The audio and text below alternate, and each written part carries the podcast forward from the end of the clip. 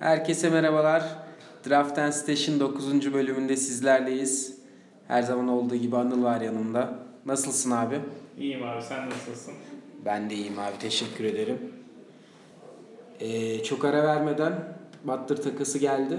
Ee, Butler takasından önce bizim takasımızı konuşalım. Biz de takas olmadık ama boşluktan yani yerden bizi bazı sahalar ekibine transfer ettiler demeyeyim de olduk diyeyim. Evet buradan da emeği geçen herkese teşekkür ederim Aynen. orada.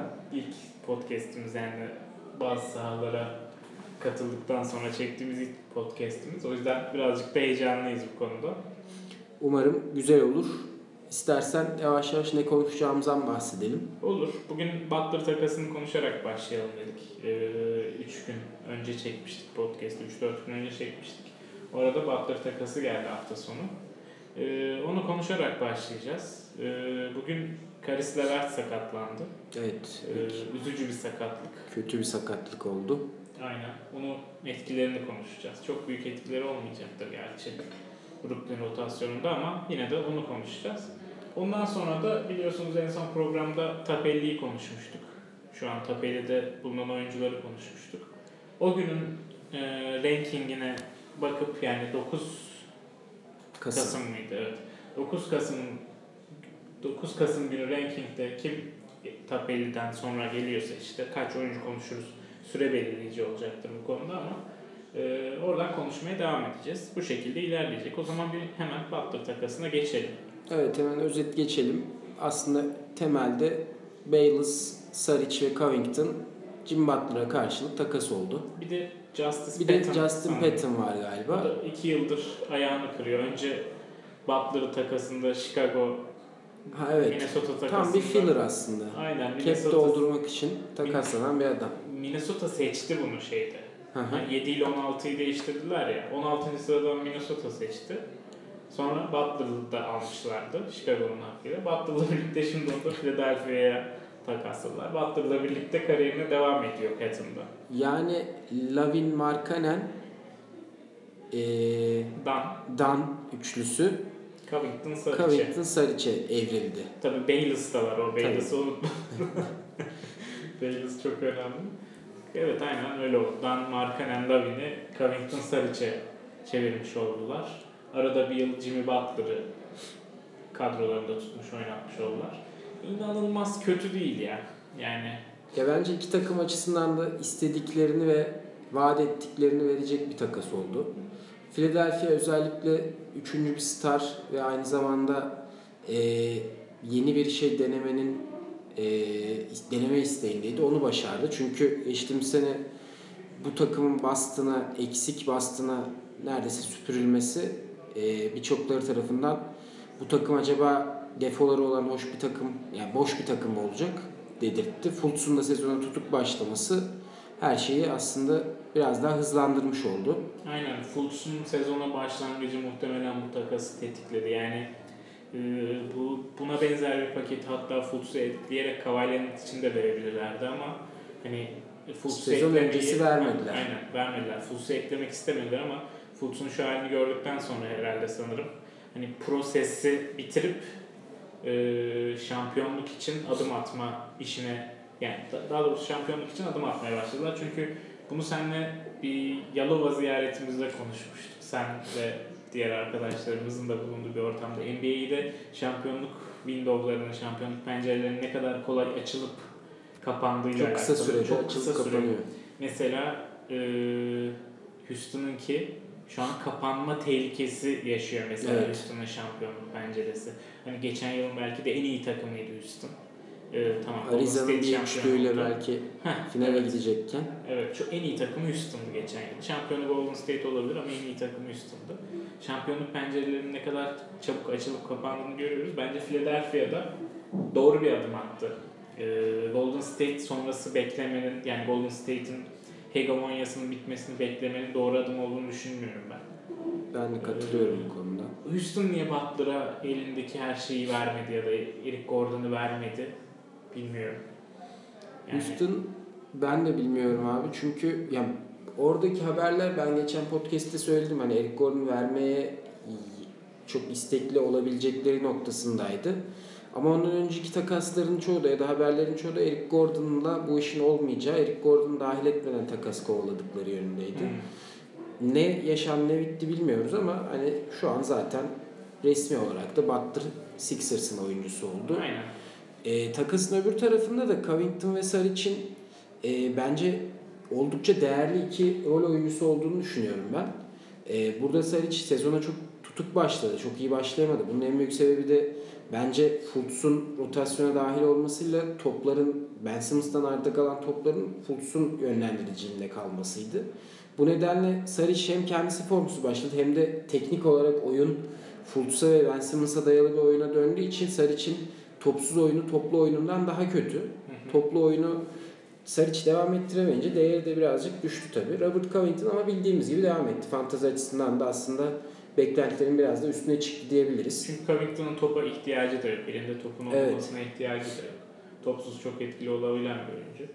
Ben Saric hakkında şeyi düşünüyorum ya. Acaba burada gelişimine devam edebilir mi? Çünkü Philadelphia'da Saric'in olabileceği en büyük alabileceği en büyük rol hani e, dış şut sokan 4 numara ve bazen de e, top elindeyken ya da pick and üstünden oynandığında top elindeyken driblingle rakibini geçip pas dağıtımı yapabilmesi en fazla elde edebileceği rol buydu ama şimdi burada çok daha fazla sorumlu olabilir diye düşünüyorum Saric'in ama fantezi açısından gelirsek bunu düşünmeme rağmen e, Minnesota'nın başında Tom Thibodeau diye bir adam olduğu için Benim de tek çekincem o zaten. ve Taj Gibson hastalığına yakalandığı için Tom Thibodeau Taj Gibson'ı ilk 5 başlamaya başlatmaya devam edecektir ve 4 numarada özellikle yine dakikaları Taj Gibson almaya devam edecektir diye düşünüyorum. En fazla 24-24 bölüşebilirler Hı hı. gibi geliyor bana dakikalar. Onun dışında Saric'e bu yıl özellikle Tim Thibodeau yönetimi altında büyük bir rol öngöremiyorum ben şeyde Minnesota'da. Benim düşüncem abi ben biraz daha umutluyum sen sana göre ama tabi Thibodeau denen e, koç arkadaşımızın, koç abimizin Thibodeau denen şeref. Thibodeau denen şerefsizin yani Taj Gibson gibi e, artık köhneleşmiş oyuncu tiplerinden vazgeçmesi gerekiyor bunun için ama ben denemeye değer ve riski almaya değer olduğunu düşünüyorum Saric için fantazi açısından.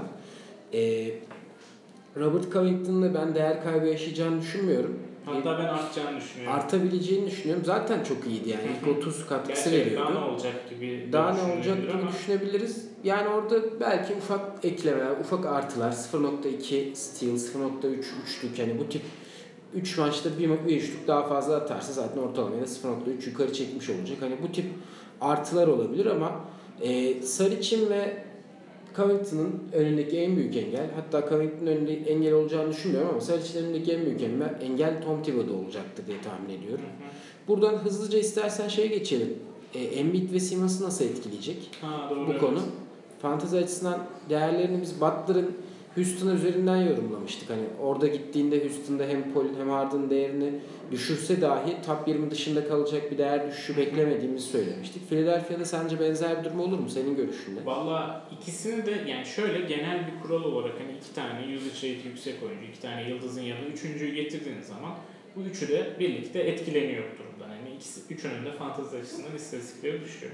Ben bu genel geçer kavramın burada da kendini göstereceğini düşünüyorum. Hem Butler için hem Ben Simmons için hem Embiid için bu durum geçerli olacak. Yani Embiid mesela şu an belki de ligin en çok usage rate'e sahip olan oyuncusu.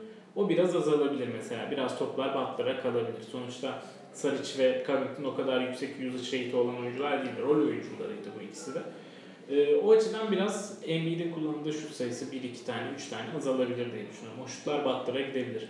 Simmons için de Simmons'tan şeyi alabilir e, Butler'ın geliş, gelişi. Ball handling sorumluluklarını Simmons'ın üstünden biraz alabilir.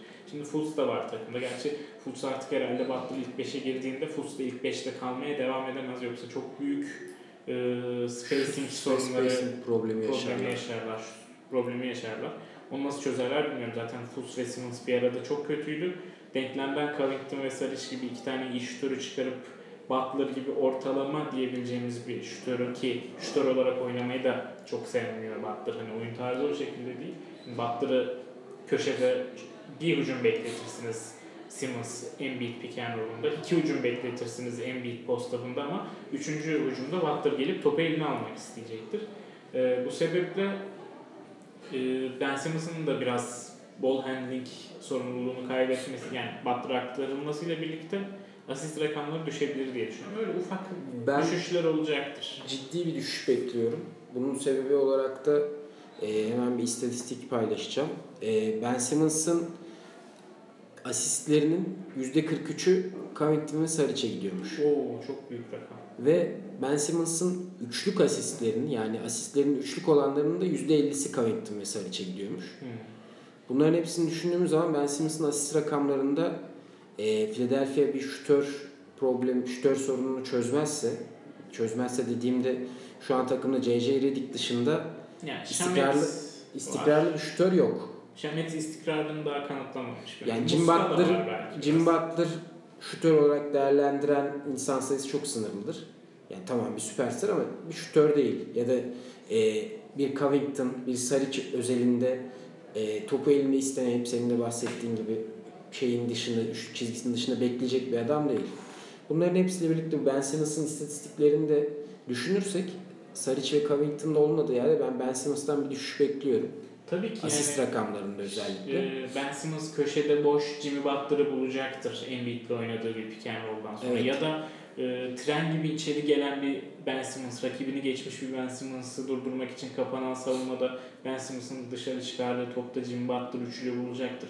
Ama Saric ve Covington bu rol için biçilmiş kaftanlardı. Buraya Jimmy hemen Butler- ekleme yapayım abi. NBA'nin en efektif 5'i geçen sene e, Simmons, Redick, Saric, Covington Embiid 5'iydi. Yani Philadelphia'nın ilk Philadelphia'nın beşiydi. ilk 5'iydi ve e, sen de şimdi söyledin biçilmiş kaftan diye. Buraya Butler'ın gelmesi Simmons özelinde oyunun nasıl değişeceğini, Simmons'ın oyunu değiştirip değiştirmemesiyle çok alakalı olacak bence. Hı hı. Ben de katılıyorum. Bu şey geyikleri var biraz da. Ee, Butler, Fultz ve Simmons'a nasıl işkence edecek tarzı geyikler Evet. var. Yani şimdi Wiggins ve e, Carl Anthony Towns'a Minnesota'da yaptıklarından sonra acaba burada da şut atamayan iki, oyun, iki genç oyuncuya psikolojik baskı uygulayacak mı şeklinde diye. Ben yani Fultz'u bir kenara bırakalım. Embiid de hala genç sayılır. Embiid ve Simmons'ın mental açıdan güç- güçlü olduğunu düşünüyorum. Bence de. Ama Fultz'a eğer böyle bir şey yaparlar, yaparsa Butler. Fultz'u mental olarak zaten çok kırılgan durumda şu an. Mesela bu sabah da serbest satış kullanırken tereddüt ettiğini gördük. Çakeyiz'i anımsattı bize. Ee, öyle bir şey yapmaya kalkarsa Fultz'a yine bir drama, Minnesota'da oluşan dramanın benzeri Philadelphia'da oluşabilir diye Ee, düşünüyorum. Şöyle bir de hemen ekleyeyim abi. En son genç ve e, geleceğin takımı olarak gittiği bir yerde Butler'ın neler yaptığını biliyoruz. yani İşte yani e, Fultz'u göndermeleri gerektiği sanırım artık gün, Açık her gibi. gün bir gün Gün- ben geçtikçe bir takas daha bekliyorum. Takas olması da yani bu takımın post season'a böyle girmeyeceğini düşünüyorum. o, o şey konusundan sonra Butler takaslandıktan sonra hani yazın ne yapabilirler, ne edebilirler, ne kadar cap space'leri var onlara bakıyordum. Eğer Fultz'u takaslarlarsa karşılığında bir şey almadan yaklaşık 10 milyon dolar civarı bir kontratı olacak Fultz'un. Fultz karşılığında bir şey almadan bir draft Bir hakkı de belki kovalayabilirler. Biten kontrat yani bu ha şimdi de biten Aha, bu kontrat yıl. karşılığında ya da yazın Hı hı. şey karşılığında e, nasıl diyeyim Yazın bir pik bir karşılığında pik bir karşılığında ya da hiçbir şey almadan Hı hı. geliyor. Takaslarlarsa yaklaşık bir max kontrat verecek kadar şeyleri açılıyor. cap space. Cap space'leri açılıyor. Yaklaşık 30 30 civarı. Ama tabii Redick'i de tutmamaları gerekiyor bu senaryoda. Hmm. Ya da Redick'i e, daha sonra mid level'la falan almaları gerekiyor Anladım. ki Redick'in cap oltunu silebilsinler cap space'lerinden. Öyle bir durumları var yani Fultz'un Philadelphia yani seneye sezon başladığında Fultz'u Philadelphia'da görmemeliyiz. Bunun üstünde ısrar edilmemeli. Nasıl ki Jimmy Butler'ı takas etmeleri gerektiği iki aydır apaçık ortadayken o antrenman olayları olduğunda apaçık ortadayken gün yüzündeyken mesela e, Tim Thibodeau şeyde karar vermiş Butler'ı takas etmeyi. Sacramento'ya 5. kez üst üste 5. mağlubiyetini alıyorlar üst üste Sacramento deplasmanında. Bu Jim Butler'ın son maçı. Son maçı. Minnesota forması. Zaten Minnesota'da da bir daha oynamayacakmış Jim Butler o maçtan sonra da. Yani bunu, Aslında bu sona gelinmişti gerek zaten. var mıydı? Yoktu. Yoktu. Fultz olayında da bu kadar şey yapılmasını beklemeye gerek yok. Bence de yani sezon sonu bence çok iyi yani çok şey oldu. E, optimist bakılırsa olur. Ben sezon sonuna kadar bekleneceğini dahi düşünmüyorum Fultz'un. Hmm, evet olabilir. Olabilir. O kadar kötü oynuyor ki Bir de- sebep vermiyor Philadelphia'ya. Evet abi yani son bir e, şey söyleyeyim. E, bu Philadelphia'nın geçtiğimiz sezon playoff'ta en çok süre alan 7 oyuncusundan, en çok katkı veren 7 oyuncusundan 4'ü gitmiş durumda. Saric, Covington, Ersan, Bellinelli. Belinelli. Evet, Ersan'la Belinelli'yi tutmamak. Yani Bu aslında. Philadelphia'nın ne kadar radikal bir değişiklik yaptığında kanıtı Evet, aslında. Evet yani Ersan'la Belinelli'yi tutmamaların sebebi şey kovalamaktı. Free agent, Free agent kovalamaktı. Lebron'u kovalamaktı özellikle. Olmayınca işte Onun peşine gidilirdi zaten. mesela Ersan düşünsene şu an kadronun. Ersan ve Belinelli olduğunu, Saric ve Covington'ın en azından hani en azından dış şut tehdidi olarak kadroda olmasını ne kadar isteyecektir Ersan ve Belinelli. Hadi Ersan Milwaukee'ye geri dönmek istedi diye düşünelim. Gerçi Belinelli de belki Spurs'a dönmek istemiş olabilir. Evet ama tutabilirlerdi diye düşünüyorum. O zaman burada e, ekleyeceğimiz bir şey bence bu takasın kazananı bir isim sayarsak ben J.J. Redick'in zaten iyi ve Philadelphia'nın şut ihtiyacını düşündüğüm zaman aslında kazanan sınıfında J.J. değerlendiriyorum. Redick kesin kazanan.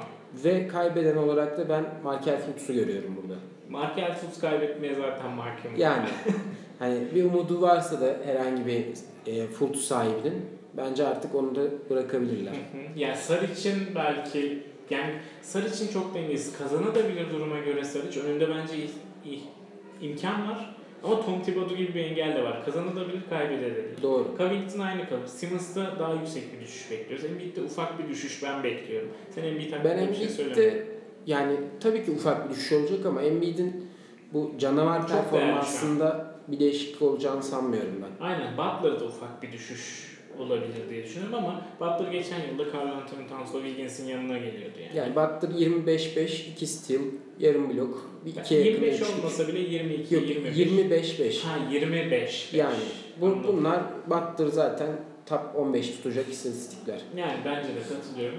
Ee, şey tabii kazananlardan biri de Carl Anthony Towns sahipleri. Doğru. Tabii onları bir tebrik edelim. Ben de bir Carl Anthony Towns sahibi olarak çok mutluyum. Ee, şeyimiz gitti ya.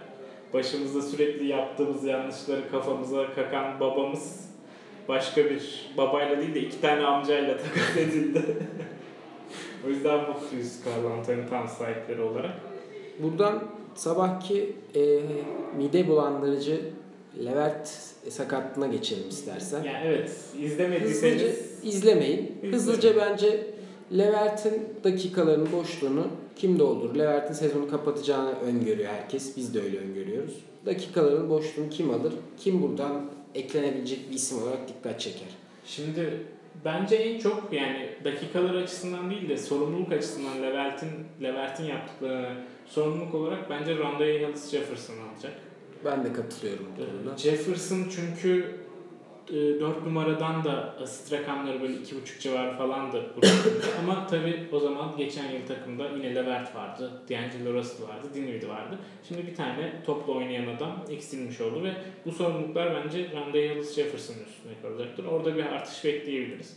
Ama dakika açısından Brooklyn zaten hani 30'u zor geçiyor Brooklyn oyuncuları. Ee, Levert de yaklaşık 31-32 dakika falan alıyordu. O dakikalar böyle eşit bir şekilde işte Randall Yıldız Jefferson'ın dakikaları artacaktır. Aa, Düşüktü şu ana kadar. Sakatlıktan dönen Demar Carroll var daha. Randall Yıldız Jefferson da sakatlıktan da döndüğü dönüyor. için, düşüktü. Hani onlar yavaş yavaş artacaktır. Demar Carroll da yavaş yavaş artacaktır. Joe Harris çok iyi oynuyor. Ona gidecektir dakikalar.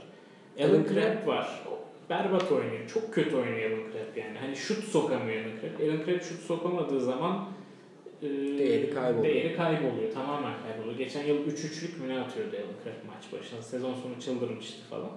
Hani Alan Crabb dakikalar alacaktır ama böyle şimdi iyi oynayan bir Joe Harris var. E, Randall Harris Jefferson yavaş yavaş form buluyor. Derken acaba Crabb böyle oynamaya devam ederse o dakikalar ona gelir mi? Hmm. Crabb'in kendini göstermesi gerekiyor. 30 dakikalara yaklaşacak kadar dakika alabilir diye düşünüyorum ama Crabb'in kendisini göstermesi gerekiyor. Bir de şöyle şimdi bir ball handler'ları eksildi Brooklyn'in.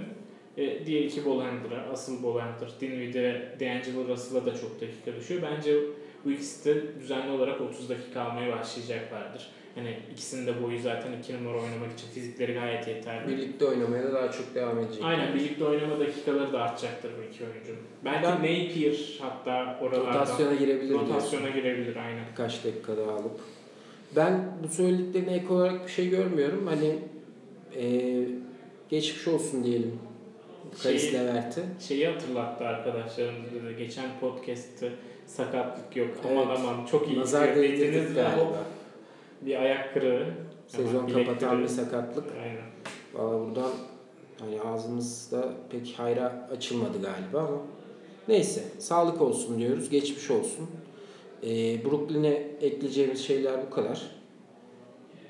İstersen ilk 50 dışında kalan diğer oyuncuları konuşalım. İlk 48'i konuşmuştuk hatta değil mi? İlk 50 Evet, deyip duruyoruz ilk ama 50 diyoruz ama 48 konuştuk çünkü Westbrook ve Draymond Green geliyordu peş peşe.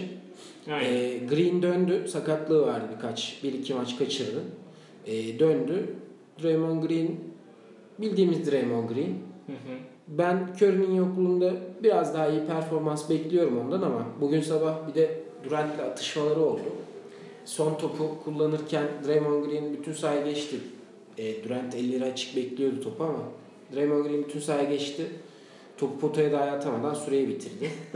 Durant de buna sinirlendi. Bu şeyi Ama ararken kavga videosu yani kavga dediğim tartışma videosunu ararken YouTube'a yazdım Durant işte Kevin Green aman Draymond Green fight tarzı bir anahtar kelimeleri yazdım. Karşıma bir iki tane daha böyle maç sonu tartışmaları falan çıktı.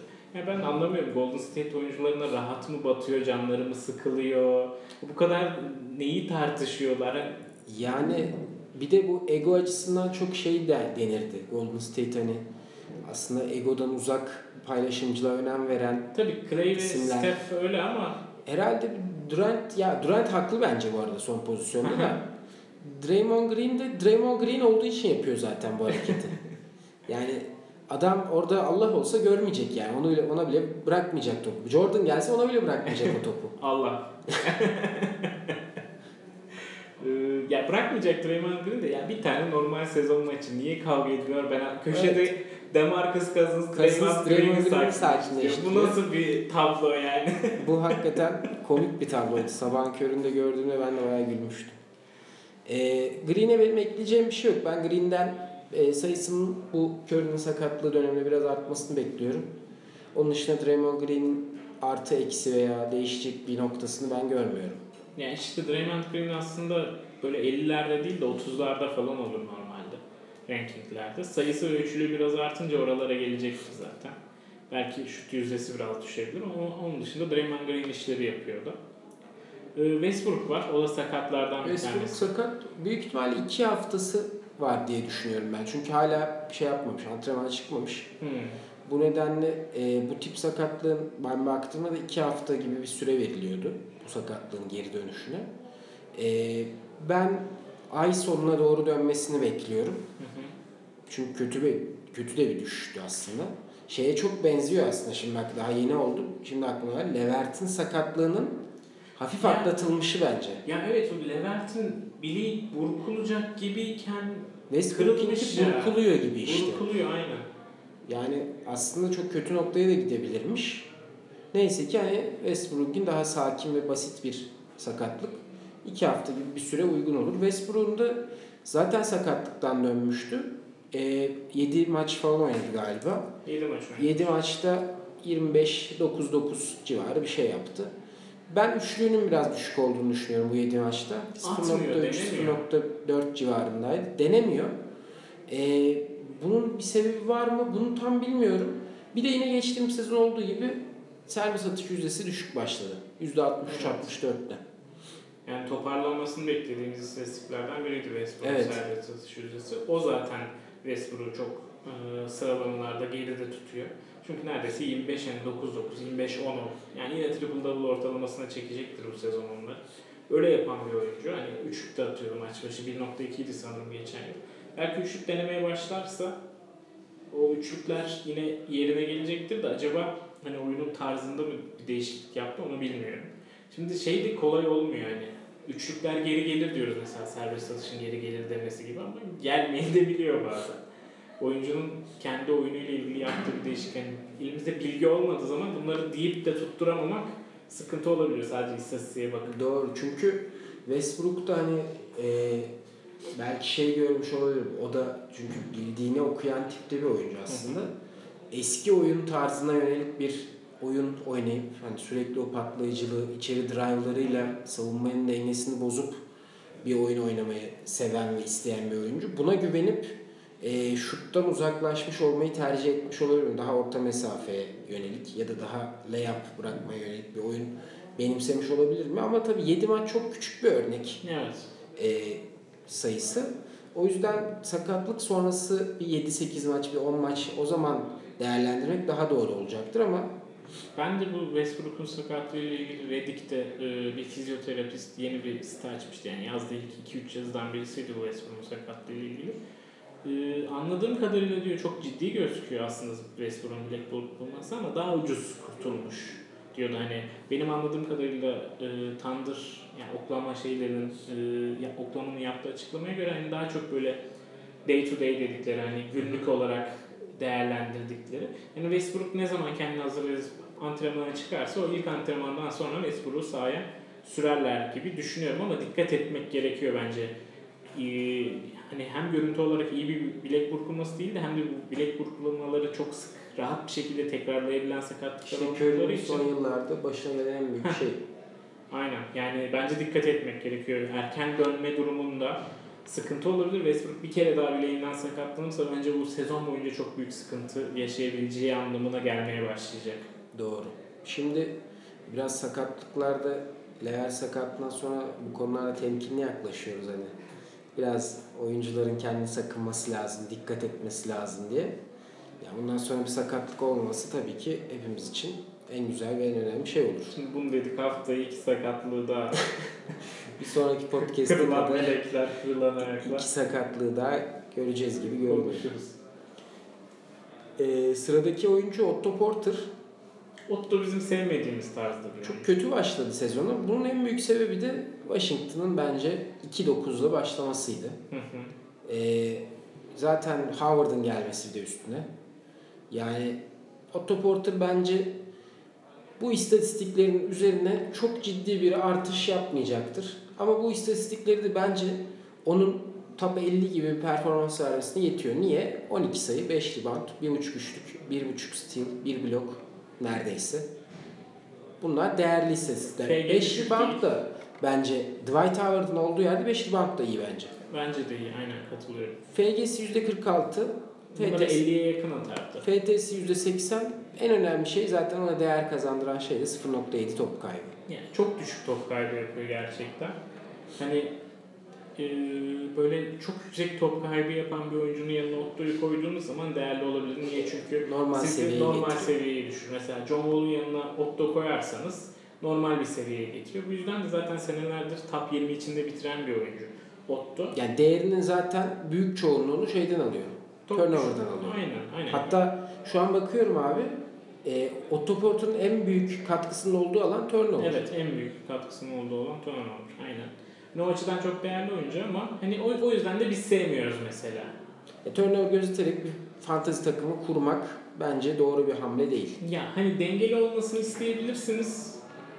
Mesela şu an yüksek top kaybı yapan bir takımınıza Otto Porter için değerinden daha düşük bir teklif yaparsanız mesela Otto'yu alıp orada bir katkı sağlayabilirsiniz ama böyle çok iyi parçalarda vermenizi önermem Otto'yu almak için. Mesela ne bileyim bura, mesela gitmeden önceki Levert'i vermenizi önermezdim ya da buralarda kim var şu an? Hani Danny Green falan filan verilir mi acaba Otto için ya da kabul eder mi Ben- bilmiyorum ama Danny Green ile Otto'nun yakın oyuncular olduğunu ve üçlük sayısı neredeyse bir buçuk fazla olduğu için Danny Green, Danny Green'in daha değerli olduğunu düşünüyorum. Tamam Evet.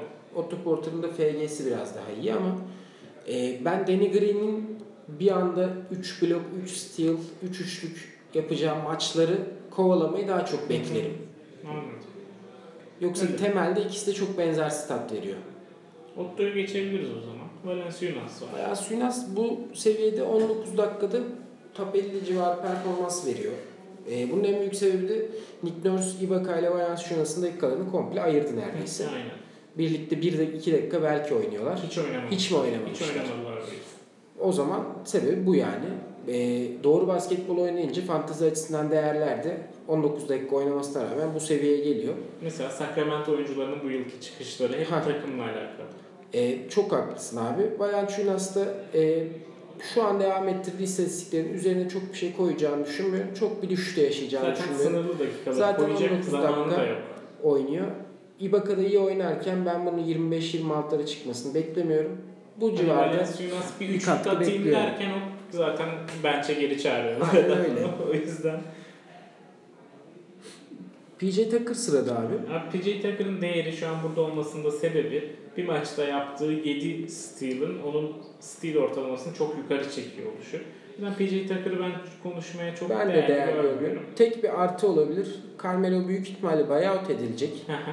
Hı. Ee, buyout edilirse kanat rotasyonunda PJ Tucker kalıyor bir tek. Ama zaten 38 Ama zaten ne alıyor? Öyle alıyor. Hani burada belki ufak artışlar görebiliriz. 35 alıyormuş 35, 35 dakika, 38-39'lara çıkabilir bu. Kimse kalmıyor çünkü bu takımda kanatta oynayacak. O nedenle belki ufak artışlar olabilir. Dediğim gibi bir maç yine 5-6 steal yapıp hani haftalık ya da anlık performanslarla hafta kazandıracağı durumlar olabilir. Ama top 100'lere falan gelirler. Burada kalmasını Ben beklemiyorum. de ben de kesinlikle 50'lerde kalmasını beklemiyorum. O zaman böyle oynamasını beklemediğiniz bir diğer isim Danny Green'e geçelim. Kendisi yaşlı biraz. 2014-2015 Danny Green'e döndü galiba. Evet döndü galiba diyoruz ama şimdi 12 maçla biraz düşük. Ee, ben şu yüzden döndü diyorum. Toronto'nun oynamaya çalıştığı şey ve başarması Danny Green'in de bu dakikalarda kalmasına ve aynı şeyleri yapmasına bence sebep olacak. Danny Green'in ki e, dalgalanmaya çok müsait bir istatistik e, seti var ve oyun anlayışı var. Ama Danny Green'in ben 30 dakikada bu katkıyı düzenli olarak Toronto'da vermesini bekliyorum. Çünkü Toronto'da bu formülü buldu. Bu formüle devam ettiği sürece Danny Green'de de ihtiyaçları var. Danny Green şu anda üçlük steal blok toplamı kaç yapıyor? Beş. 5. 5. Müthiş bir rakam bu mesela. Danny Green bence burada 5'i vermeye devam etme ihtimali daha yüksek. Ama belki şut yüzdesi böyle 44'lerde kalmayabilir. 40'lara düşebilir. Evet. Bir tek o, sıkıntı. Zaten bu Green sahipleri için çok bir problem olmayacaktır diye Problem olmayacaktır ama şöyle bir şey oluyor hatırlıyor musun? Yani Covington bu kadar benimsenmeden önce yani Stilio Bilo ve üçlü bir arada yapmasının çok değerli olması bu kadar benimsenmeden önce seneler boyunca hatta ben de buna dahildim. Covington'ın ilk zamanları 2 sene önce 3 sene önce ben de buna dahilim. Ya bu herif ne kadar kötü şut atıyor. %40'ın altında şut atıyor. Benim FG'mi bitiriyor tarzında. Hani yakınmalarım oluyordu. Hala Covington'dan yakınanları görüyorum yani. Covington'ınız var daha ne istiyorsunuz yani. O yüzden hani Danny Green kötü şut atmaya devam ederse bile bence üçlük stil ve bloğu 4 civarında vermeye devam ettiği sürece toplamını takımınızda tutun. Danny Green'i yere atmak gibi bir hata yapmayın. Burada verdiği katkılar çok değerli oluyor Danny Green'in. Hani yere atınca anlıyorsunuz ne kadar kötü olduğunu. Haftada çünkü yaklaşık 8 steal, 8 blok gibi bir kayıp yaratıyor. Sekiz- 3-4 sekiz- maçta. 8 üçlük, 8 Sekiz- steal, Ha. 4 blok. Yani tarzı. bunlar bunları kaybettiğimiz zaman daha da e, değeri anlaşılıyor. O yüzden Danny Green takımda tutulması gereken ve ilk 50, ilk 60 içerisinde bitirmesini ben e, bir sakatlık olmadığı sürece rahatlıkla yapabileceğini düşünüyorum. Ee, buradan kim var? Andrew Wiggins var. Ha, Wiggins hiç Butler takasında konuşmadık yani. Abi evet Wiggins'i konuşmadık. Wiggins e, Butler takasından yine karlı çıkacak oyunculardan biri bence. Hı hı. E, doğal olarak usage rate'i yüksek bir Butler'ın gidişi Wiggins gibi franchise'ın yüzü olmuş Towns'la birlikte bir oyuncunun önünü açacak ve onun ben zaten bu sezon ondan e, beklentim vardı hani 90 yüzden değil de yani ilk 100 değil de ilk 70 katkısı ilk 75 katkısı bekliyordum. İlk 55'te görünüyor şu an. ilk 60'ta görünüyor. Bunun sebebi de üçlüğünü arttırmış olması Evet. ama en büyük sebebi 1.8 stil yapıyor olması. Bence bu sürdürülebilir değil. Bence en büyük sebeplerinden biri de Wiggins gibi bir oyuncunun bu artacaktır ama 1.4 top kaybı yapıyor olması. Hı, evet, evet. Bir de serbest atışları aa bak 80'leri seçecekmiş. Mesela Wiggins toparlar dediğimiz toparlar deyip toparlayanlardan ama Wall mesela toparlayamadı Hı hı. henüz Westbrook gibi. Wiggins'in istatistiklerini ben 1.8 steal'ın biraz düşebileceğini ama diğer istatistiklerinde artış görebileceğimizi düşünüyorum. Turnover'da dahil artış. düşerse Wiggins birazcık gerilere gelebilir. Ama sezon başı yüzlerde gözüküyor. Sırasının üstünde bir performans verecektir diye tahmin Aynen. ediyoruz. Drummond buralarda. Bunun tek sebebi de tabii ki kötü serbest satış yüzdesi. Drummond Ee, ilk 11 maçta 5 defa 20-20 yapmış. ilk 11 maçta 5 defa 20-20 yaptı. Evet. Bayağı da zaten sayısı da artmış Drummond'un. Yani bunu böyle söyleyince değeri biraz daha arttı değil mi gözünde? Şimdi çünkü ben 5 defa 20-20 demek yani 100 sayı 100 rebound bir haftayı 100 rebound zaten bir oyuncudan aldığın 100 rebound bir haftada Hmm. rebound sana getiriyor. Ya şey bir de böyle şeyler daha güzel oluyor. Nasıl diyeyim? Tabii ki her oyuncudan her hafta atıyorum Drummond'un ortalamaları 19 sayı 16.5 rebound. Her gün her maç bunu yapmasını güzel olabilir. Ama böyle hani haftanın son maçında reboundda 25 gerideyken Drummond'un 20 rebound çekmesi de hani ayrı bir bu oyuna keyif katıyor böyle oyuncular diye düşünüyorum. Sayısı artmış Drummond'un. Ee, Evet. Burada en kötü tarafı bu işin 3 top kaybı yapıyor olması. Çok bir uzuna göre 3 top kaybı hayli fazla. Ee, tabii Geçen %60'lar sene olsa anlardık. Niye? Çünkü top yönlendirici Evet. Drummond'dı. Evet ama burada gördüğünüz gibi 1.4 asist yapıyor. Bundan bahsetmiştik herhalde. Black Griffin geldikten sonra Evet. asistinin yarı yere düştüğün, düşeceğinden, düştüğünden, devam edeceğinden. Tabii üçlük denemeye başladığı için Drummond'da e, içi yüzdesi düşmüş %51'lere. Hı hı. O DeAndre Jordan'da White Howard, Capella tarzı o e, 60'ı zorlayan 60'ın üstünde atanlardan bu noktada ayrı, ayrılıyor. Ayrılıyor. ayrılıyor hep Drummond. Bir de bloğu biraz bu seviyeye göre düşük 1.3. Evet. O 2'ye yüzden daha yakın olması onun değerini top 30'lara çekecektir. ama Drummond'un hala gelişim şansı var diye düşünüyorum bu alanlarda. Katılıyorum. Ee, istersen Drummond'da ilgili ekleyeceğim bir şey yoksa Clay'e geçelim. Olur. Ee, Clay'den yana benim beklentim sezon başında aşağı yukarı bu civara devam etmesiydi. Ee, ilk 30-35'ten ben draft etmeye değer görmedim kendisini. Ee, sezonun ilk 55'in 60'ın dışında bitirmesini pek kolay görmüyorum. Clay bu istatistiklerine o 20 sayı, 2.5 üçlük, 4 rebound, 2 asist, 1 steal, %47 civarı şey, sağ, sağ içi isabet, %85 civarı, 80-85 civarı serbest atışla devam edecek sezon boyu. Ekleyeceğim pek bir şey yok benim Clay'e. Ya Clay'in şu an burada olmasının sebebi 2.4 üçlük atıyor olması. Ee, ki bunun içinde 14 üçlük attığı maçta dahil. Son zamanlarda biraz topladı. Attığı sayıları da arttırdı. Üçlükleri de arttırdı ama şöyle. Clay, Clay yani Clay'i değerli yapan şey ne fantazide? Yüksek sağ açı isabetiyle yüksek üçlük atması. Üç üçlük atıyordu. Ama bu yıl o kadar üçlükler arttı ki Clay'in artık değerli olabilmesi için üç üçlük atması yetmeyecek. Evet, üç buçuk dört atması. konuştuğumuz mevzuya Heh, dönüyor. aynen. Aynen öyle. O mevzuya dönüyor.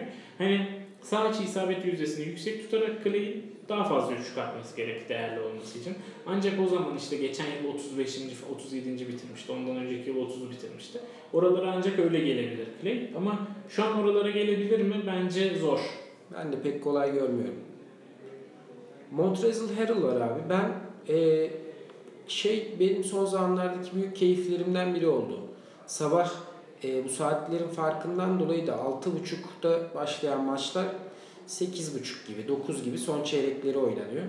Genelde kahvaltı saatleri ya da ne bileyim bir yere gidilecekse ondan önce işte bir hazırlanırken üstünü başına gelirken NBA izleyebiliyorsun. Bir de doğal olarak Clippers maçları denk geliyor bu duruma. E, Montrezl Harrell izlemesi o kadar keyifli bir oyuncu ki çünkü sahaya kattığı enerji e, sahadaki hiç herkesten ayrılıyor. Böyle ekrandan fışkırıyor değil mi? Ekrandan Harrell'ın fışkırıyor gibi. Aynen öyle.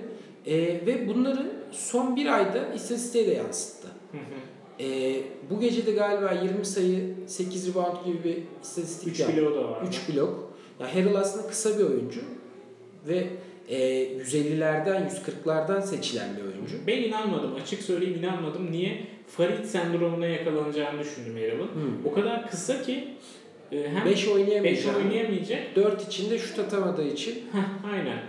Bir de 5 oynadığı zaman da uzun pivotlar tarafından çok kolay postta veya rebound sırasında yaratacak. box, box out'ta çok sıkıntı yaşatacaktı yani. O yüzden oynayacağına inanmadım ama oynuyor. Oynuyor, iyi de oynuyor. Yani o enerjiyi fantazide de görüyoruz. Beklenmedik anda 25 sayı 10 rebound, 3 blok, 2 steal gibi aslında Harrell'ın e, o 150'den seçilen bir oyuncudan beklemediğimiz şeyler verebilir. Ve %68'i de sağ, içi Geçen yıl çok kötü atıyordu. Yani resmen Harrell o kısacık oynadığı 17-18 dakikada serbest atış yüzdenize en çok zarar veren oyunculardan biriydi. Bu yıl onu %68'e çekmiş olması bak hala yüksek bir şeyle atıyor. 4.5 atıyor maç başı serbest atış sayısı 4.5. Hala yüksek ama 68'e çekmesi tabi onu değerli Daha az zarar. daha az zarar veriyor. Değerini çok fazla düşürmüyor Harrell'ın. Oradan geri Harris ve Jamal Murray var. Bunları beraber konuşabiliriz bence Denver sistemi içerisinde. Bence zaten istatistikleri çok benzer abi. Dikkatini çekti mi? Aynen. 18.5 sayı atıyor ikisi de. Bir buçuk üçlük, Hı hı. 4 civarı rebound, üç buçuk civarı asist, bir steal, yarım blok, yüzde 45, 44, 45 Aynen. field goal, yüzde 81 Gary Harris'in e, servis atışı, yüzde 89 Jamal Murray'nin servis atışı. Jamal Murray hatta geçen sene ilk 5'teydi galiba. Hı hı. Yüzde 92 ile falan atıyordu bir ara hatta. Ama Aynı kişi mi ya bunlar? Bunlar gerçekten aynı kişiymiş gibi oynuyor. Dakikaları da aynı. 33 dakika. Beraber girip beraber çıkıyorlar. Beraber duş alıp beraber yemek yiyorlar. Bunlar da e, şey diyebilir miyiz? Poor man's Kyle Lowry, DeMar DeRozan ikilisi. Şeylerini bilmiyoruz tabii. Arkadaşlık Arkadaşlıklarını bilmiyoruz ama. bilmiyoruz ama. Olabilirler. Geri Harris'in ben biraz daha yukarıda oynamasını bekliyordum. Ee, Hı hı. bu sezon draft ettiğim oyunculardan da birisiydi. Burada en büyük göster yani düşüş sebeplerinden en büyüğü 1.1 stil. Geçen yıl bu 1.8'di. Ee, üçlüğü de düşük durumda şu an. 1.4 düşük Ben ikisinden 2.4 2 civarı üçlük bekliyordum aslında. Evet aslında daha 11 maç hani daha işler çok değişecektir diye düşünüyorum. Bence bu istatistikler yerlerine geri gelecektir. Ee, ikisinin de bu oldukları yerden 50 içine doğru böyle doğru 35'lere, ivme bekliyoruz 40'lara ikisinden. doğru ikisinden de ivme bekliyoruz sezon ilerledikçe.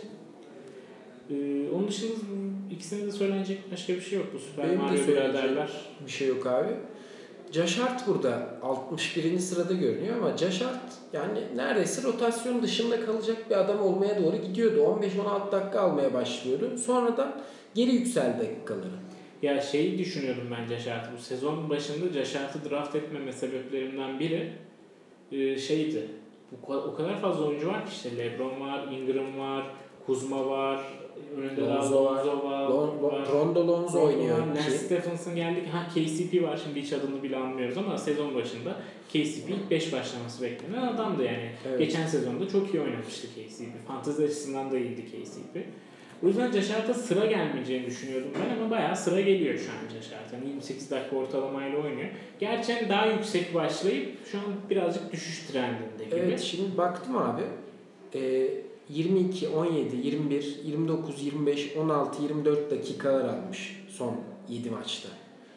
Yani bunlar birazcık benim aklıma takılıyor. Bu dalgalı performans Lakers'ta sanki e, öncelik gençlerde ve gençler hani hakikaten saçıp batırmadığı sürece veya trouble- problemine girmediği sürece onlar oynuyor Evet.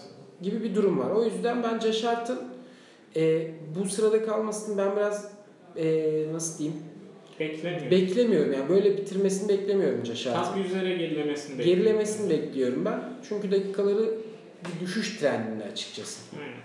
Ee, CJ McCollum'a geçelim diyeceğim ama bence şöyle yapalım. Clay Thompson için söylediklerimizi kopyala. CJ McCollum'un üstüne yapıştır şeklinde Aynen. dinleyebiliriz izleyicilerimiz. Çok çok doğru. Oradan Eric Bledsoe'ya geçelim. Ee, Eric Bledsoe'nun sıkıntısı da şu bence. Budenholzer Atlanta zamanında da bu böyleydi. Spurs kültüründen yetişme olduğu için oyuncuları genellikle öyle 35 dakikaları falan görmüyor. Çoğu oyuncu da 30 dakikalarda hani önemli eğer Giannis Antetokounmpo değilse isminiz 30 dakikalarda alıyorsunuz.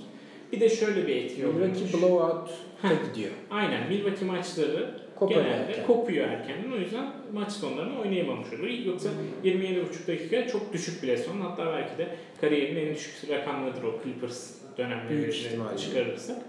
Bu Bledsoe'nun sorunu. Bu düzelir mi?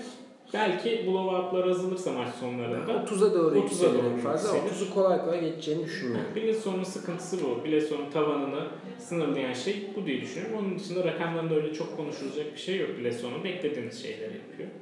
Capella var. Capella bu yıl draftlarda hep ilk 30'un içinden gidiyordu benim gördüğüm kadarıyla. En kötü 35'e kalıyordu. Ee, o da sayısını arttırmış görünüyor. Reboundlarını 11 civarına çekmiş. Geçen yıl ne kadar alıyordu? 10 falan mı alıyordu? Emin Geçen yıl da 11 civar diye hatırlıyorum ama e, bir bakarım ben şimdi abi. Dakikaları 33'e çıkmış. Dakikaları çok artmış evet. Evet 27'lerde falan 27-28'de 33'e çıkmış.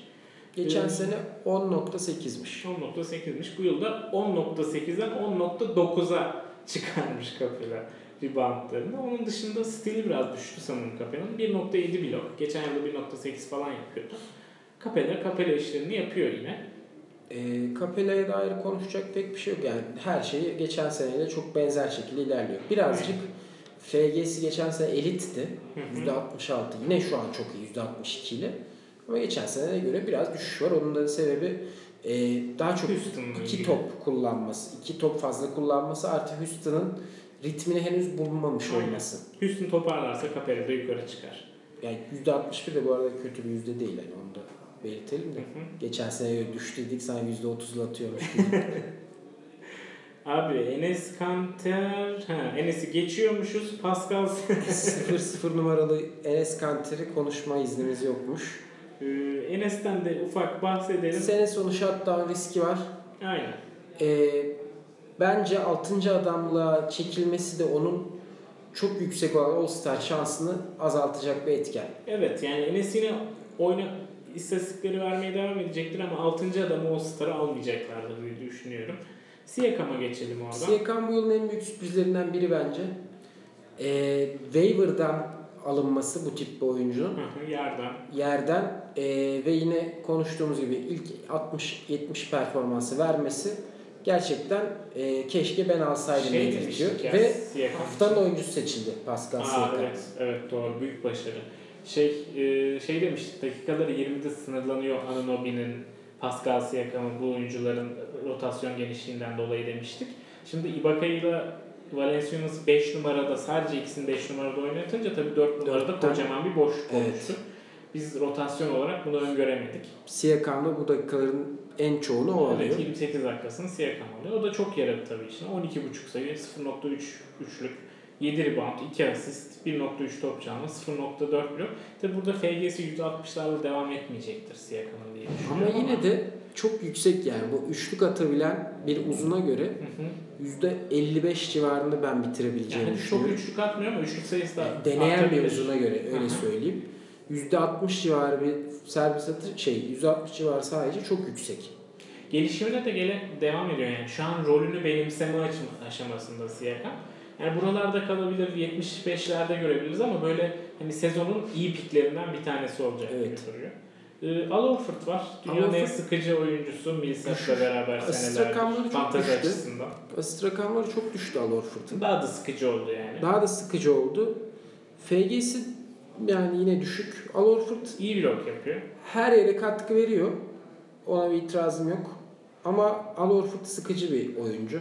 Bir de sezon sonunda böyle Sezon sonunda daha az dakika riskleri. alabilir. Bir de her sezon sezon sonu düşer yani playofflardan önce düşmeye Evet. başlar Al Horford. Al Horford ekleyelim. special yani böyle özel bir oyuncu. Farklı takımlara özel ekstra yani pozisyon dışı statlarıyla daha değerli bir oyuncu. Yoksa bir pivotun e, 6 rebound 12 sayı yapması yani ve %44 ile atması bence çok hoş bir istatistik seti değil. Bence de. Taj, aman Taj Gibson diyorum. Nurkic'e geçelim. Nurkic'e de çok eklenecek bir şey yok yani. Sezon öncesi bahsettiğimiz istatistikleri veriyor. Tek artısı burada %79'la serbest Bir artısı olması. daha var abi. Sadece 24-25 dakikada bunları yapması. Ha, evet. Yani bu Nurkic biraz daha 30'a yakın dakika alırsa ben alacağını çok düşünmüyorum. Hı hı. Gerek foul troble- e, problemi gerek de Zach Collins'ın varlığı ve Portland'ın biraz daha farklı bir oyuna e, Nurkic'in savunma defektlerinden dolayı ve geçen sene playoff'ta dağıldıklarından dolayı farklı bir oyuna evrilmek istemesinden dolayı bu dakikaların sabit kalacağını düşünüyorum. 27-28 maksimum olur diye tahmin ediyorum. Hı hı. Taj Gibson var konuşalım mı? Bence konuşmaya Konuştuk zaten. Aynen. Geçelim abi. Rod McGruder var. Sezonun büyük sürprizlerinden biri daha. Büyük sürprizlerinden biri daha ama Rodney McGru- McGruder'ı hem izleme şansım çok olmadı hem daha öncesinden bilmiyoruz ki kendisi 27 yaşında bu arada. Hı hı.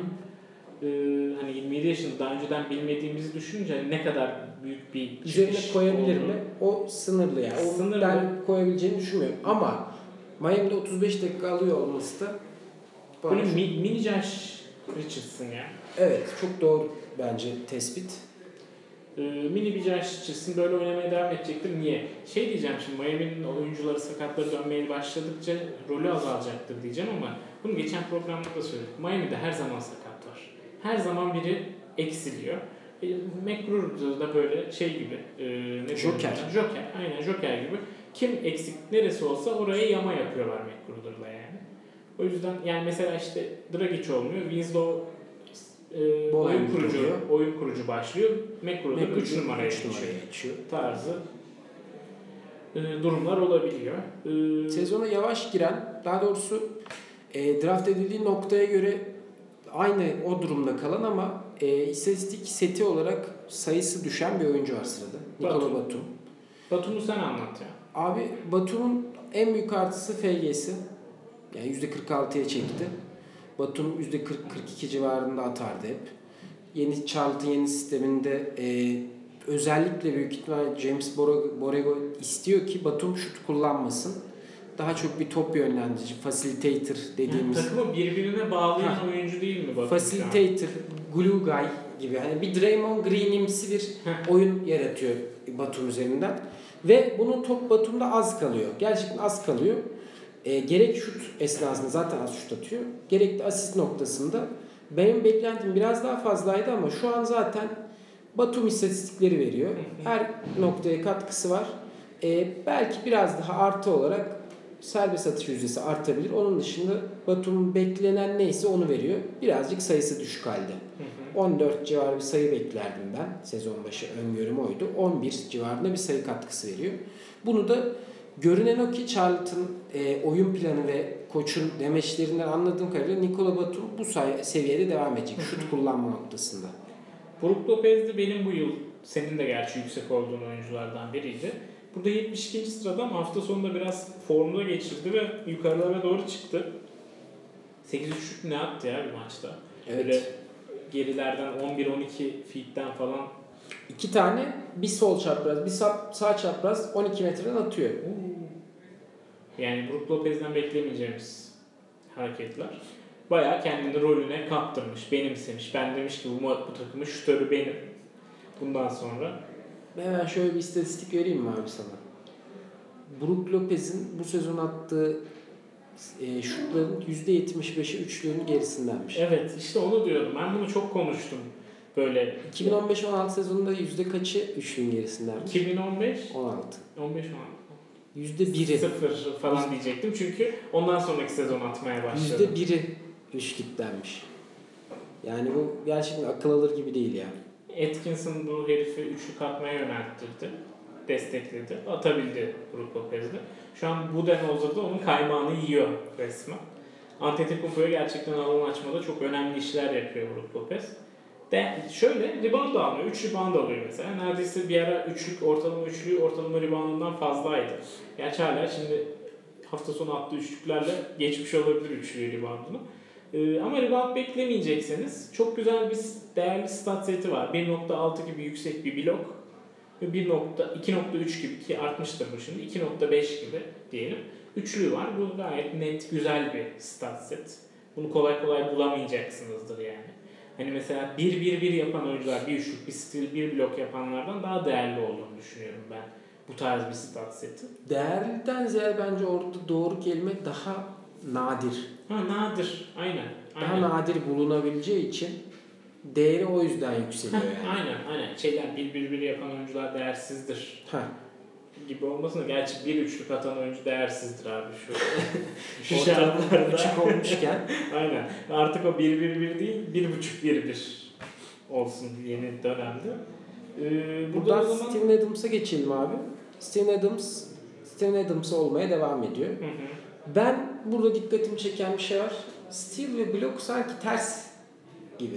Yani tam tersi olmalı. 1.6 steel, 1.2 blok değil Ama de hep öyle oluyor yani. Evet. Hep stilde bile ondan yüksek oluyor. yani Steven Adams'ın yani onun gibi büyük ve ortayı karartan bir adamın Atletik bir de yani. bir de buna rağmen atletik olan bir adamın galiba bu yüzden zaten steal'da yüksek ama e, Bloğ'un ben steal'ından daha yüksek olmasını bekliyorum her sene. Bu sene de yine bizi yanılttı. Adams bildiğimiz Adams yani 15 sayı 10 rebound. 1.5 blok 1.5 steal şeklinde ortalama olarak kabaca devam ediyor. FT'yi yine unutuyoruz Steven Adams derken. Jared Allen'a geçelim. Ben Jared Allen'dan biraz daha iyi bir performans bekliyordum abi. Dakikaları az yine. Dakikaları yine az. 26 dakika. Orası. Brooklyn'de. Ee, üçlü 0.2 değil de 0.4. Hani iki maçta bir tane sokabilir Hı hı. noktasına bekliyordum. O düşük. Onun dışında Jared Allen'da bildiğimiz Jared Allen aslında ama sayıyı ve reboundu ben double double'a yakın bekliyordum açıkçası. Ya Onun sebebi de dakikalardan diye tahmin ediyorum. aslında işte 11 sayı 7 yani 11 sayı 8 rebound 1.8 blok. Burada normalde serbest atışları atış yüzdesi iyiydi Jared Allen'ın geçen yıl. %80 civarı atıyordu. Bunu %80 civarına çıkartınca bence draft edildiği yerlere gelecektir. 50 ile 40 arasında gelecektir Jared Allen diye Doğru. düşünüyorum. Zaten Jared Allen'ı övmemizin en büyük artısı, yani onun artısı serbest atışı zedelemeyen uzun. Blok yaparken Ve blok yaparken serbest atış zedeleyemiyor ve iki maçta bir üçlük atabilir. Şeyde varken- Miles, Miles Turner'ın beklentilerinin karşılanmış hali demek bu yani işte. Aaron Gordon'a geçelim abi. Aynen. Aaron Gordon rebound alamamayı alan alıyor yani 8 rebound olan adama rebound alamıyor demeyelim de bu yıl onlara çekmesini istiyordu koçu ondan. Hani hatta Aaron Gordon'ın istatistik şeyini 19-9 olarak belirlemişti. Evet. 20-10 değil ama 19-9 olarak belirlemişti. Yürümeyen bir double double olabilir? Yani koşmayan değil. Yürüyen ama koşmayan bir double double. Öyle bir stat yani istatistik barajı belirlemişti. Koç ama ulaşamamış gibi duruyor şu an ama ilginçtir Orlando şu an playoff sanki zorlama şeyleri Biz playoff'u oynayacağız havası veriyor değil mi Doğu'da? Zorlayacağız, oynayacağız. Yani değil de- oynayacağız derken playoff kovalamaya çalışacağız. Aynen ama tabii kovalayamayacağız. Öbür tarafta Cleveland var. Hani playoff ne, o, o ne noktasındalar. Hani öyle bir yapılanmada değiller. Biz gidebildiğimiz yere kadar gitmeyi düşünüyoruz diye bakıyor Orlando. Bu Aaron Gordon değeri için tabii ki çok iyi. Burada ben Aaron Gordon'dan biraz daha servis atış yüzdesinin yüksek olmasını beklerdim ama bunu yapamaması değerini geriye attı. Ee, onun dışında 19-9'a beklemesine rağmen koç 16-8 var. Kötü değil, İyi de değil. iyi de değil. Çünkü yukarılardan draft edildi. Evet. Gordon. Yeri 75 değil Aaron Gordon. 55-50 buralardan bu top 50 performansı beklenen bir adamdı. Sezon ne getirecek bilmiyorum ama Aaron Gordon top 50'nin içine girmesini ben kolay görmüyorum bir sakatlık olmadığı sürece. Şey, Marcus Morris var sırada. Marcus Morris'i 3 hafta daha aynı performansı sürdürürse konuşma sözü verelim Marcus Morris için. Kendisinin çok da umrundaydı ama bizim açımızdan böyle. Oradan Kuzma'ya geçelim. Abi Kuzma ben Kuzma'dan beklentilerimin üstünde açıkçası. Lebron'la çok iyi bir ikili olacaklarını düşünüyordum ama 19 sayı, 19-20 sayı ortalama beklemiyordum. Şey güzel değil mi ya Kuzma açısından? Böyle Ingram'ın üstünde ben bu takımın ikinci skoreriyim havasını böyle sahada hissediyorsunuz. Şu an Evet. Ingram'dan fazla sayı atıyor diye değil. Ha- Sahada hissediyorsunuz. Kuzma ve Ingram sahada beraberken. Kuzma eline öncelikli bakıyor. skorer. Evet. Bunu çok rahat hissediyorsunuz sahada. Bu bence güzel. Yani hatta şu an Ingram, Lonzo Ball ve Kuzma üçlüsüne baktığında sence en yüksek potansiyel hangisinde? Abi yani Kuzma da görünüyor ama hani Ingram'ı ben Ingram'ın bir şey yapamıyorum böyle. fizik- es geçemiyorum o Ingram'ı. Fiziksel şeyleri çok, fiziksel nedeni, tool'ları çok fazla yani kol Evet. uzunluğudur, boyun uzun olmasıdır. Onlar çok e, et- önemli ya hani artı avantaj. O yüzden evet ben de katılıyorum. Ama böyle şu an Ama Kuzma şeyleri- sadece sayı atıyor noktasında bir adam değil yani. Çok Aynen. farklı bir oyuncu. Belli. farklı bir oyuncu aynen Kuzma. Ee, hepsinden önce bence Lakers'ın da en çok ihtiyacı olan o enerjiyi hissediyorsun. Hele LeBron'un yanında. LeBron'un yanında da e, uzun ve şütör yani sahada 5 de savunabilecek zaman zaman bir oyuncu olması bence Kuzma'yı değerli yapıyor. Fantazi açısından steal ve blow yani defansif istatistikleri düşük olduğu için Buralarda. değeri de düşüyor. Hı hı. Tek sebebi bu. Onlar olsa zaten 50'lere 40'lara gidecekti. Sağ içi isabet yüzdesi çok yüksek. %50 neredeyse. yani 1.73 atan adamı %50 sağ, sağ içi isabetiyle bulmak zor. O yüzden değerli. Doncic var. Doncic Rookie of the Year'ı DeAndre Ayton'la birlikte en büyük adayı gibi. Bugün Aiton şey demiş ya biraz daha agresif olacağım demiş. Çünkü çok Hmm. pasif kalıyor hakikaten Aiton. Hani şeyden Bir bahsettik ya. Şey havası var. Carl Anthony Towns havası var. Aynen. Geçen podcast'te de ona örnek verdik. Aynen öyle. Biraz daha agresif olması lazım Aiton'un. Çünkü Aiton'un fiziği gerçekten NBA'ye çok hazır. NBA'ye hazırlığı geçtim. Şu an ligdeki belki çoğu pivotun üstünde bir fiziği var Aiton'un. Doğru diyorsun. Ne agresif olması ona neler kazandırır, istatistik olarak kazandırır ama sakatlık açısından da kaybettireceği şeyler olabilir. Yani Bir de- konuşmuştuk. Bence Dallas'ın sezon sonunda bitireceği nokta Phoenix'ten daha iyi olacak. Hı hı. Bu Doncic'i Aiton'un bir adım önüne taşıyabilir. Evet ben de katılıyorum. Ben de E, katılıyorum. çünkü hemen şuna gelelim. E, fantazi açısından Aiton daha değerli bir çaylak. Hı hı. Evet. Ama Çünkü defosu yok Aiton'un oyunu. defosu yok. Ama ben Doncic'in e, değerinin bu kadar düşük olmasının tek sebebini turnover olarak görüyorum. Evet turnover bir de savunma istatistiklerinin çok yüksek olmayışı. Ben Steel 1 civarı bitireceğinin bloğunda zaten Doncic gibi bir oyuncuya göre 0.3'ün şu an için iyi olduğunu düşünüyorum. Ya şey diyeceğim.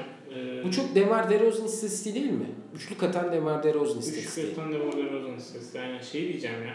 Hoopball sanırım o site Batum'a benzer olacağını tahmin etmişti. Sayı dışındaki istatistiklerin Hmm. bayağı iyi tahminmiş. Gerçekten evet. Ben de şu an hak verdim.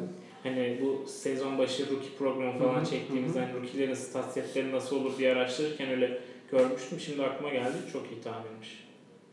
Doncic'i bir kenara bırakırsak mesela 79. sırada Ben Simmons var. Hı hı. Konuştuk Ben Simmons'ı. Ee, üzerinde konuşacak bir şey var mı? Ben asist Yok. rakamlarının düşmesini bekliyorum. Onun dışında üçlük atmamaya, servis atışları problem olmaya devam edecektir. Turnover'ları 3.3 ortalaması 3 civarında olacaktır. Ee, Butler'ın gelmesiyle evet.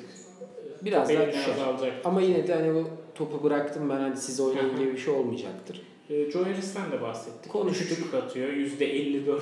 o 54,5. %54,5 sayı isabetiyle 3'e yakın üçlük atıyor ee, Joe Harris. Bu düşer. Nasıl yorum?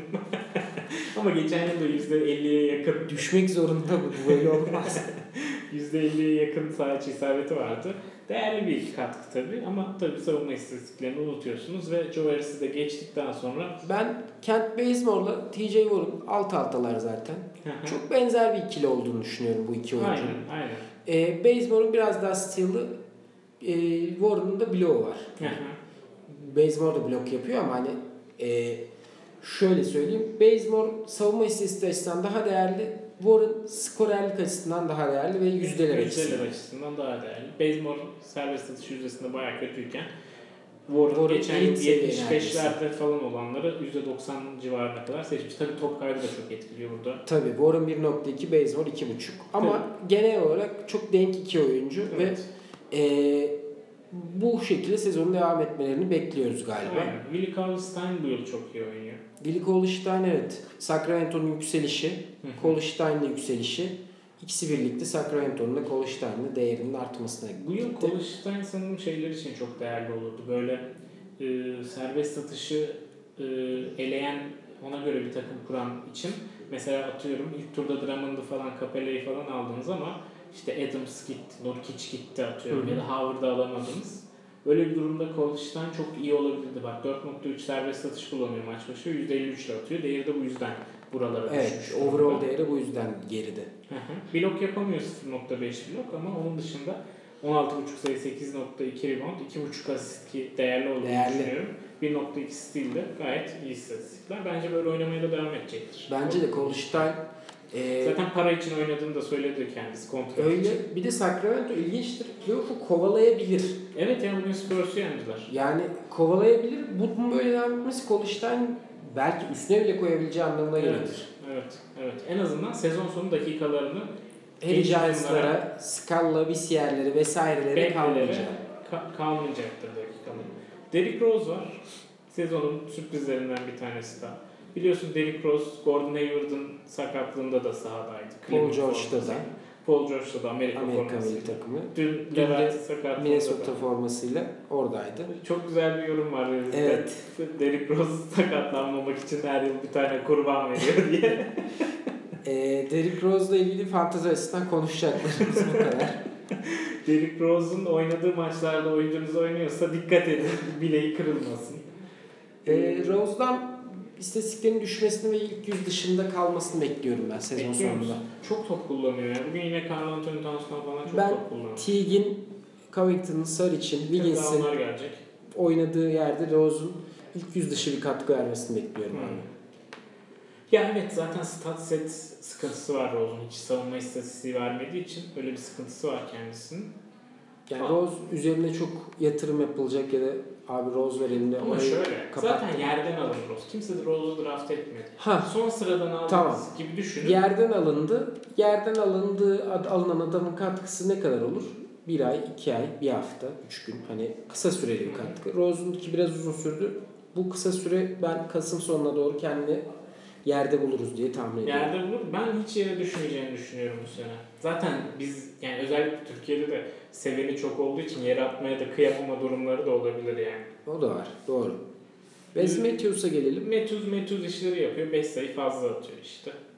Evet Ee, ben en büyük problem Matthews'un sezon sonunda dakikaların azalması ve üretiminin azalması Hı, şeklinde evet. bir problem Aynen görüyorum. öyle bir problem görünüyor Metuz için. Başka söyleyeceğim bir şey yok. Şey vardı.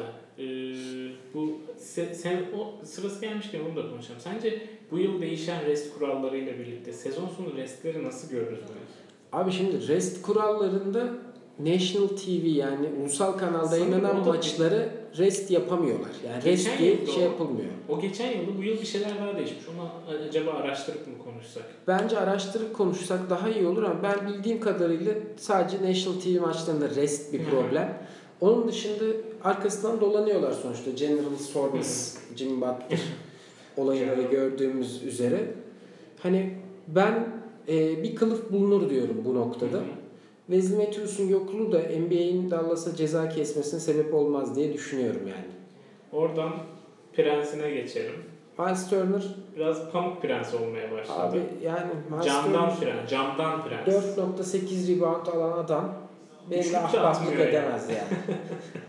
Üçlük de atmıyor. Bu herife ne oldu ya? bu herif bitti. Bu herif kafaca bitmişti.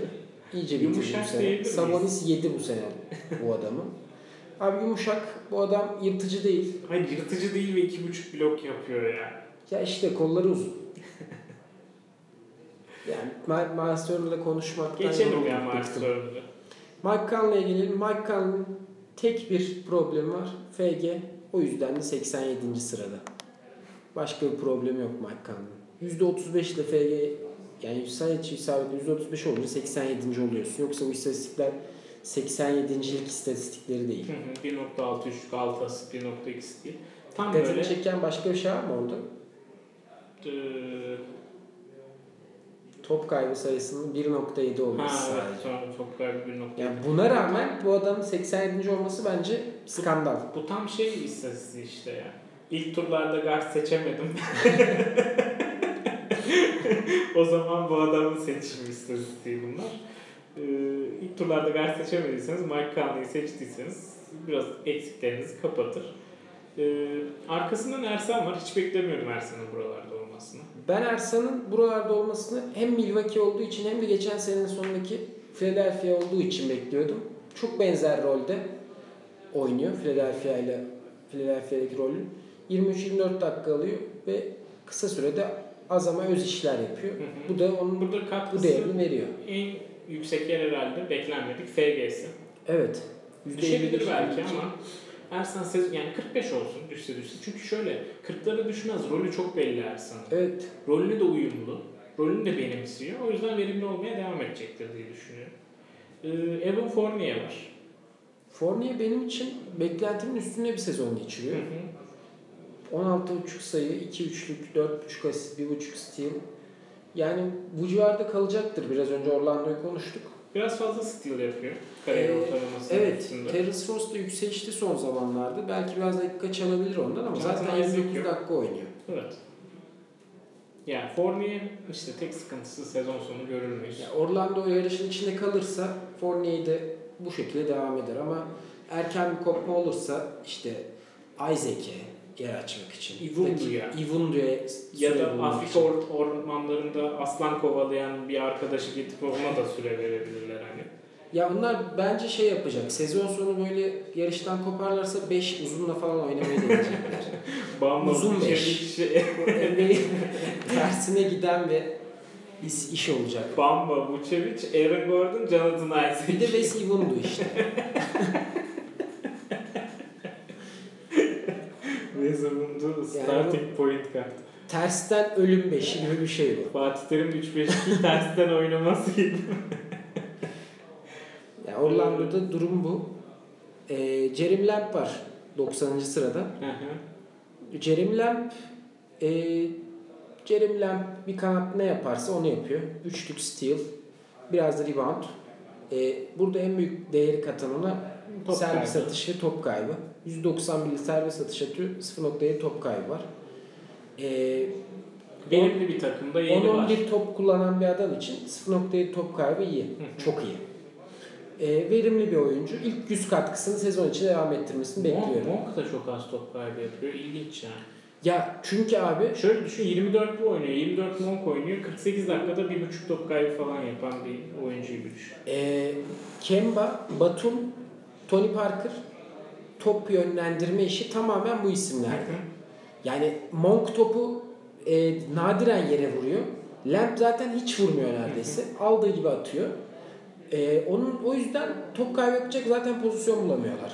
Bu arada Charlotte dedik de Kemba sanırım sezon boyu top 10 kalacak ya. Abi Yani gidişat öyle. Draft seçimlerinden bir de şöyle bir itirafta bulunayım. Hani çoğu kişi aslında Charlotte sıkıcı bulur ve izlemez ama ben Charlotte çok yaklaşık eğlenceli 3-4 ya. senedir Charlotte izliyorum. Hani mediocre takımdan Abi 3 senenin İyi takım. ikincisi, ikisi sıkıcı geçti. İşte yıl Steve Clifford'a rağmen ben izlemeyi seviyordum. Niye? Çünkü adamların basketbol dışında yapacak hiçbir şey yok Charlotte kenti. Hı. Bir de Jordan falan olduğu için böyle daha da bir ya Jordan bizim şeyimiz, sahibimiz.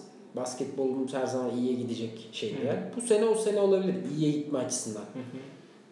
E, keyifli takım yani izlenebilir bence. Julius Randle'a gelelim.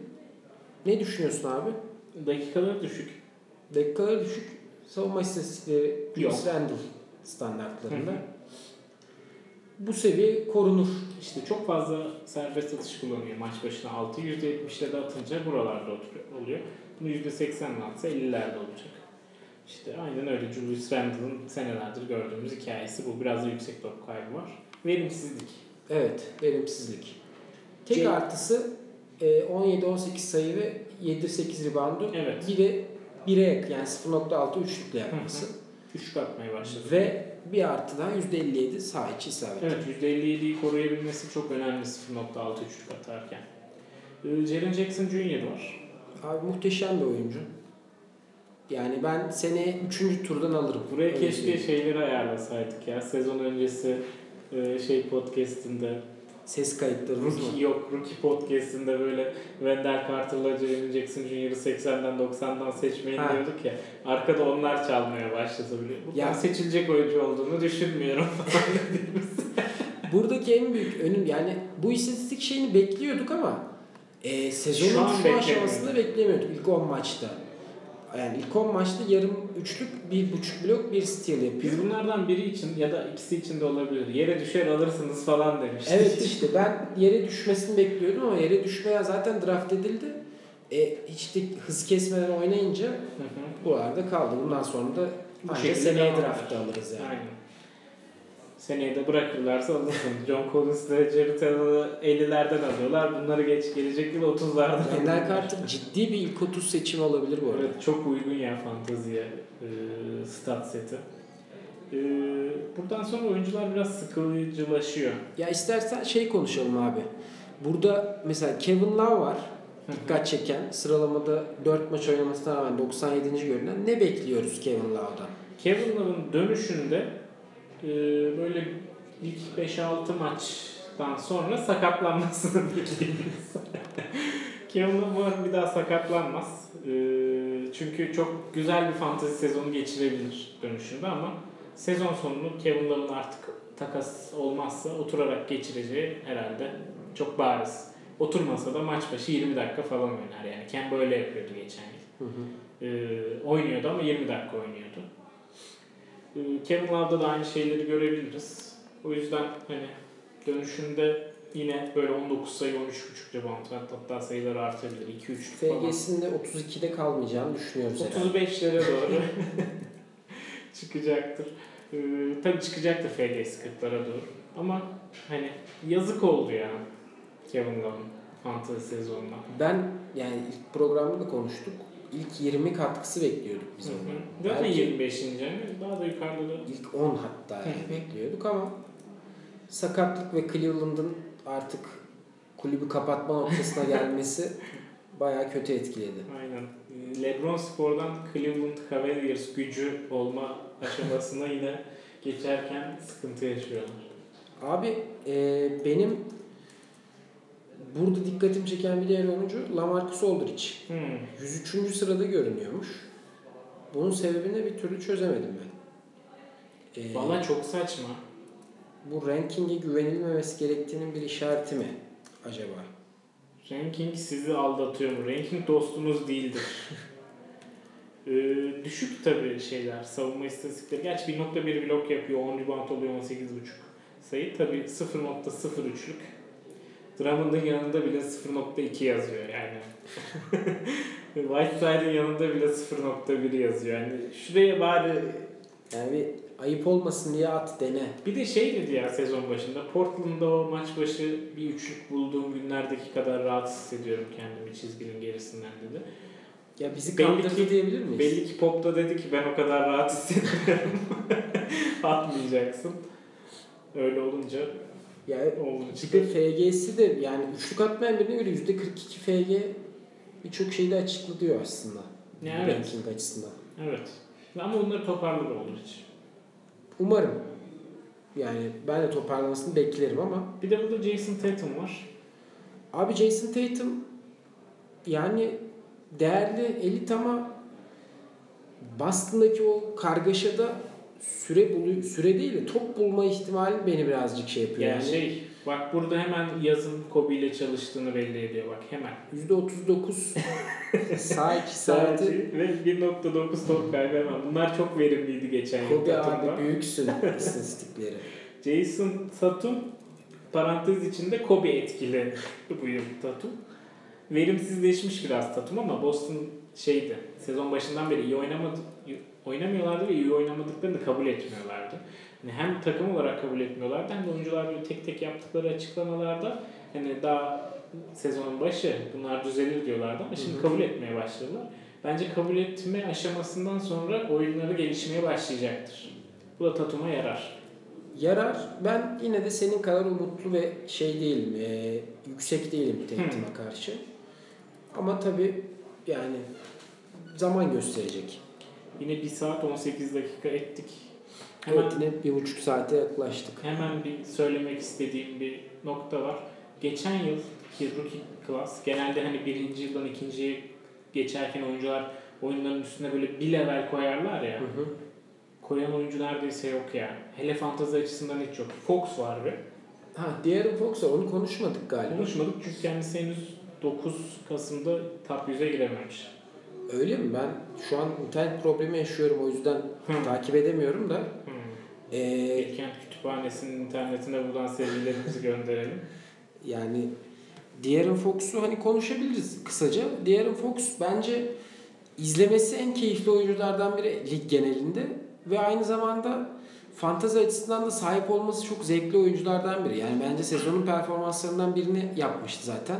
Fox'un sıkıntısı şey yani. 31 sayı, 15 rebound, 10 asist? Evet. ya da 15 asist, 10 rebound mu? Bence muhteşem bir performans. 3.4 top kaybı tabii ki yüksek. Ee, Hı hı. 6.3 serbest atış deniyor maç başına. Bunu da %67 ile sokuyor. Sıkıntısı bu Fox'un yani. Bu serbest atış zaten Ranking'i sıkıntıydı. düşüren nokta bu iki Aynen. stat oluyor. Aynen. 1.13'lük hani bir buçuk üçlük atmayan dövdükleri ortamda biraz düşük kalıyor. Ya Ama atmaya her maç başladı. yükseltiyor. Evet atmaya başladı şimdi. İlk maçlarda sokamıyordu. 1.2 steal fena değil. 0.4 blok sürpriz. %43 FG'de, %42, %43 F. ne %43 ya? Aldrich'e bakıyormuşum. %50 FG'si var Fox'un. Evet FG'si %50 Hı hı. civar diye hatırlıyorum ben de. Şimdi internet probleminden konsantre olamadım. Ee, Fox benim izlemekten keyif aldığım bir Evet adam. evet ben çok seviyordum. Geçen yıl e, Sacramento'yu da Brooklyn gibi kurtarma planlarına girişmiştim. Hani Fox gelecek, dertler bitecek falan. Fox biraz kötü çıkmıştı diğer kendi etrafından draft edilen oyunculara göre ama bu yıl en yüksek sıçramayı yapan oyuncu net De'Aaron Fox. Başka Yani Mitchell geçen yıl geçen yıl zaten Ama çok gerçi iyi. şöyle çok iyilerdi zaten. Ya evet. Onun etkisi de var. Mitchell, Ben Simmons, De'Aaron Fox artı yaptı, Artı üzerine yaptı. koydu. Mesela Markkanen de çok iyiydi. Bakalım ne kadar üstüne koyabilecek ya da koyacak mı koyamayacak mı? Markanen var. Başka Tatum mesela hiç üstüne koy yani nasıl diyeyim? Hani özgüven olarak falan bir seviye daha üst noktaya çıkmış. Ama sanki bu sefer kendini Boston sistemine içinde verimli olmakta sıkıntı yaşıyor Hmm. şu an. Anladım. Anladım. Yani peki şey sorayım abi sana. Sence Lonzo LeBron gelmese Ha, ne Lonzo. Fantazi açısından nasıl bir beklentin olurdu? Valla Lonzo geçen yıl o kadar kötü yüzdelere rağmen zaten fantezi açısından böyle 70-80 oralarda bitirdi. Çok şey vaat ediyordu ya. Bence- İlkelli vaat ediyordu. Evet ilk 50 vaat ediyordu o yüzdelerin değişmesiyle birlikte. Ama LeBron gelmeseydi yapabilirdi sanırım ama belki Rondo olmasa bile yapabilirdi LeBron'un yanında ama şimdi Evet galiba onun değerini arttıran şey topu elinde tutuyor ve yönlendiriyor olması. Yani off ball değil de on ball oynadığı zaman sanki. Lonzo daha değerli bir oyuncu. ya orası zaten öyle kesinlikle öyle ama yani şöyle topu paylaşmak var. Topu LeBron'la paylaşmak var. Topu LeBron ve Rondo'yla paylaşmak var. yani. Evet işte. Bir de Ingram var üstünde. Ha, bir de Ingram var üstüne. O Bir yüzden de Kuzma hani topu paylaşma noktasında e, 14-15 şut kullanıyor. Hı. Tamam vurmuyor yere ya da ne bileyim topu yönlendirmiyor Rondo, Lebron, Ingram kadar ama 14-15 şut kullanan bir oyuncunun yanında da Lonzo'yu hem topu az kalıyor, top eline çok az değiyor. Ona bakmadım. Belki bir sonraki programda bakayım ona. E, bu NBA şey istatistiği tutuyor ya top kaç defa değdi hani oyuncunun eline. O bence Lonzo'nun geçtiğimiz sene göre çok ciddi bir düşüş olmuş olabilir. Evet ona bakalım gelecek program için. Şey e, son olarak şeyi ekleyeyim. Ingram'a bile top kalmıyor ki top yönlendirme noktasında. Doğru. Rondo ve LeBron bu yani bu sorumlulukları asla bırakmıyorlar. Öyle. O zaman bugünkü programın da sonuna geldik. Bugünkü programın da sonuna geldik abi. Ekleyeceğimiz bir şey yok herhalde. Ee, Yok. ilk yüz dışında kalan oyuncuları zaten önümüzdeki programlarda ufak ufak değiniriz. Şey yaparız diye düşündüm ben. Önümüzdeki ilk programda ilk yüzün dışında kalan mesela Saric. Gerçi Hı hı. konuştuk şimdi ama başka kim var ilk yüzünde? Ha Hayward var mesela. Hı hı. Hani Hayward'ın durumu ne oldu falan diye.